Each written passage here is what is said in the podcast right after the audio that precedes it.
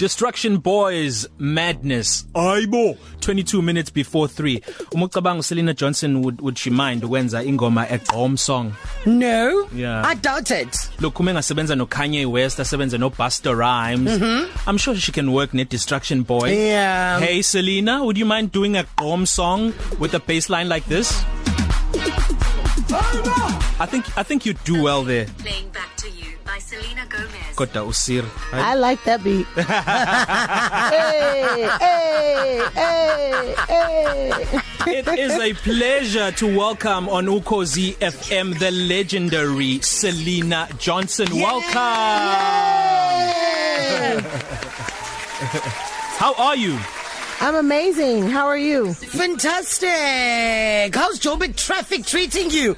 Well, I have not hit any bad traffic just yet.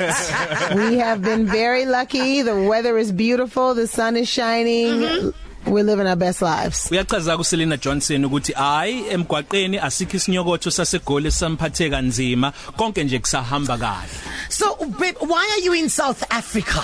I am in South Africa because I am doing a mini South African tour for my new album called Woman that is dropping at the end of September, early October. Mm-hmm. And so the first show is in Johannesburg and it is the Carnival um Women Divas uh the Women Divas show. Mm-hmm. Um huh? Divas show? Yeah.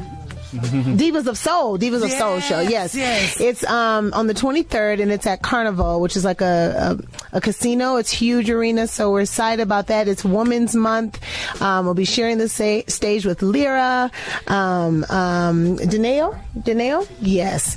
So I'm excited to be on the stage with these amazing women and just be in Johannesburg with the amazing amazing amazing South African fans.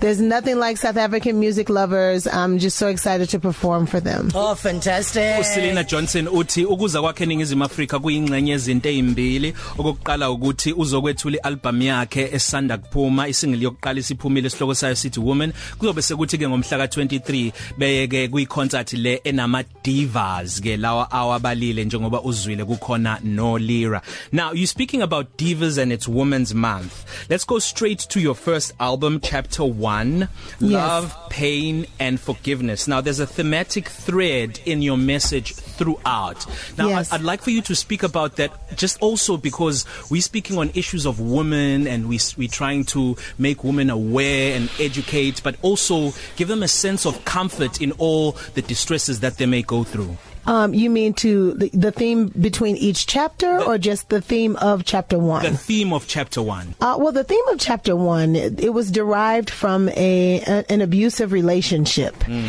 and so what I did was I wrote these journal entries while I was going through that relationship, and when I started to record chapter one, I turned those journal entries into songs, and so um, there's an interlude on the album. I don't know if you if you remember, but it's like John B. music playing in the background, and then it's like me arguing with this. He's he's Yes. trying to say sorry, and then he gets caught because this woman gets on the phone and cusses him out I remember very well yeah that is a real um that happened that really happened he that was the actual man that put me through hell and that was a real uh pager message like a voicemail message that he he sent to me during the time I was recording and I asked him for permission to use it and uh, I guess he was dumb enough he said yes Wow. so um that was the actual man who sent me through the actual drama who actually actually helped me create chapter 1 wow. um and so I just from that moment you know just not from that moment but as I began to do the chapters I continued to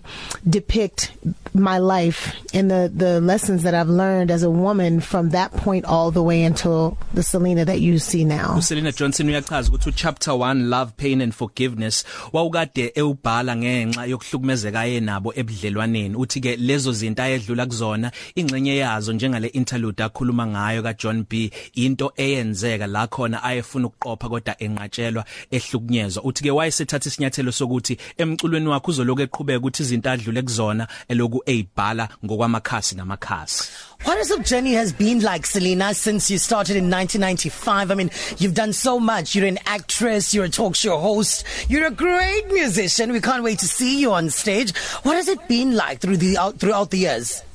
It hasn't been easy, I'll tell you. Um, it has been challenging, but without any challenge, there can be no change. Mm. So um, the good news is I've survived. The good news is I'm here. Uh, in South Africa, continuing and getting ready to put out my 12th album. Yes. So um, the good news is I'm I'm one of the ones that made it through. The re- the music business is very difficult. When you think of the some of our greats that have been taken away from us due to some of the um, things that we go through and things that happen inside of the industry with um, you know drug abuse and addiction and mental health um, not being considered. Um, you you really have to, I, I really have to just be thankful to God all the time that He had His hand on me throughout this entire process. Mm. Um, it has been difficult, but I can say that it has been mostly rewarding because I have been able to heal and touch so many people. Uthi bekungelula neze kuleminyaka ekwi industry njengoba kuhleze kuba khona izinto zokucindezelwa, kuba khona izinto zokusebenzisa utshwala mhlambe ngokweqile, imali ingangeni, udumo, ubukeke sengazi uthi udumile kodwa kungangeneki noma impumelelo ingabi lokhu wena ubuqonda ukuthi ube ikhona. Now oftentimes when we hear of um, uh, people who are trying to convince their parents, their fathers about wanting to uh, follow a career in the arts, we often hear of their parents saying no because of not understanding the nature of the industry and the fact that you can make a living out of it. Yours was different.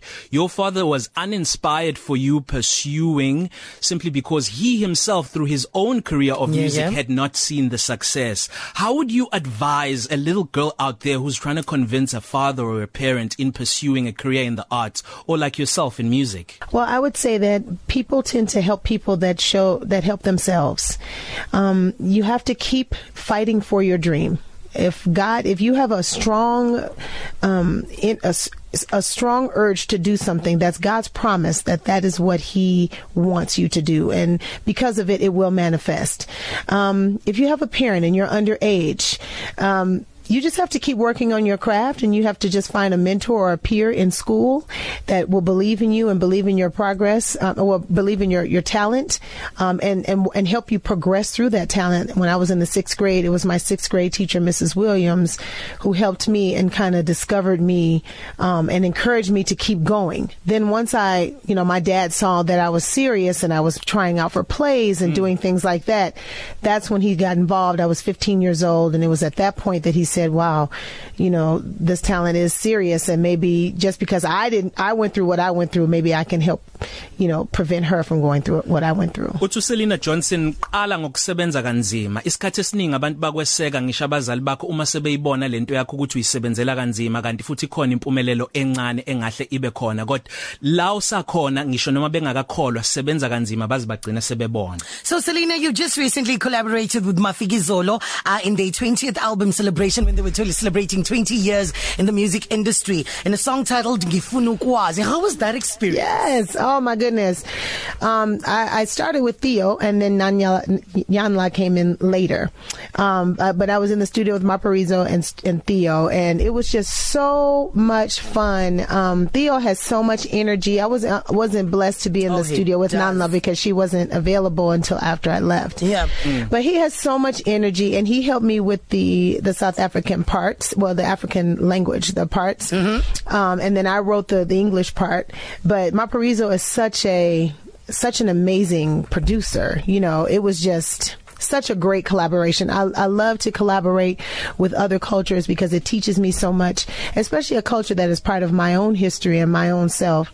So it just taught me another element of who I am. So I was just very blessed to be able to work with Mafiki Zolo because okay. they're, they're one, they're one of my favorite artists here in South Africa. So not only are you going to be doing the Divas in concert, um, this coming weekend, also you're going to be at the Umhla Tuesday Soul and Jazz Experience.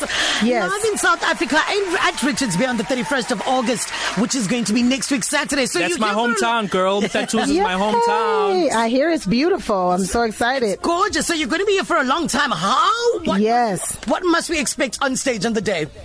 Well, I love soul music, um, so I'll be doing, I'll be taking it back a little bit with uh, Womack and Womack and Stevie Wonder and uh, uh, uh, Earth, Wind and Fire, and then I'll be bringing it forward with Selena Johnson music, nice. and there's a little piece of Prince in there.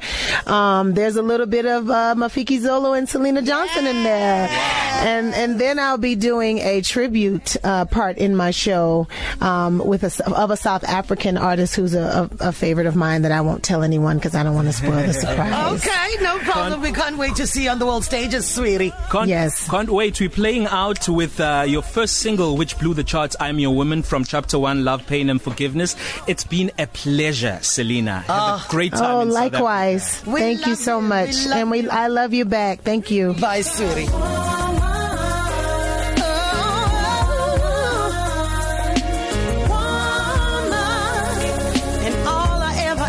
That you honor this love. Now we boo hours when the clock strikes three. You should be at home in bed with me. Taking advantage of a real good thing. How long will it take you to see? Sometimes I ask myself, are you crazy to stay here and put up with this pain? You promised me the moon and the stars above, but all I seem to get is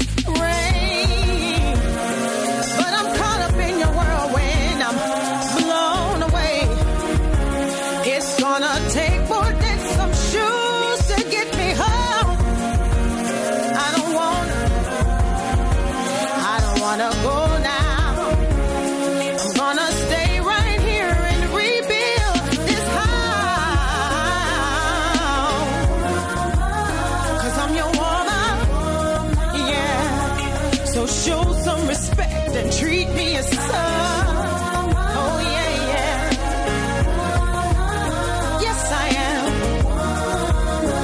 Selena Johnson I am your woman kwi 12 to 3 cafe bemnandi ukuxoxa naye sungayithola ke leyo nkulumo mawukuthi usifice sekusegcineni noma umngani wakho oxoxele ngayo awusayizwanga www.ukhozifm.co.za uzoyithola kuma podcast Cafe. Ilunch yakho ayifani neyizolo.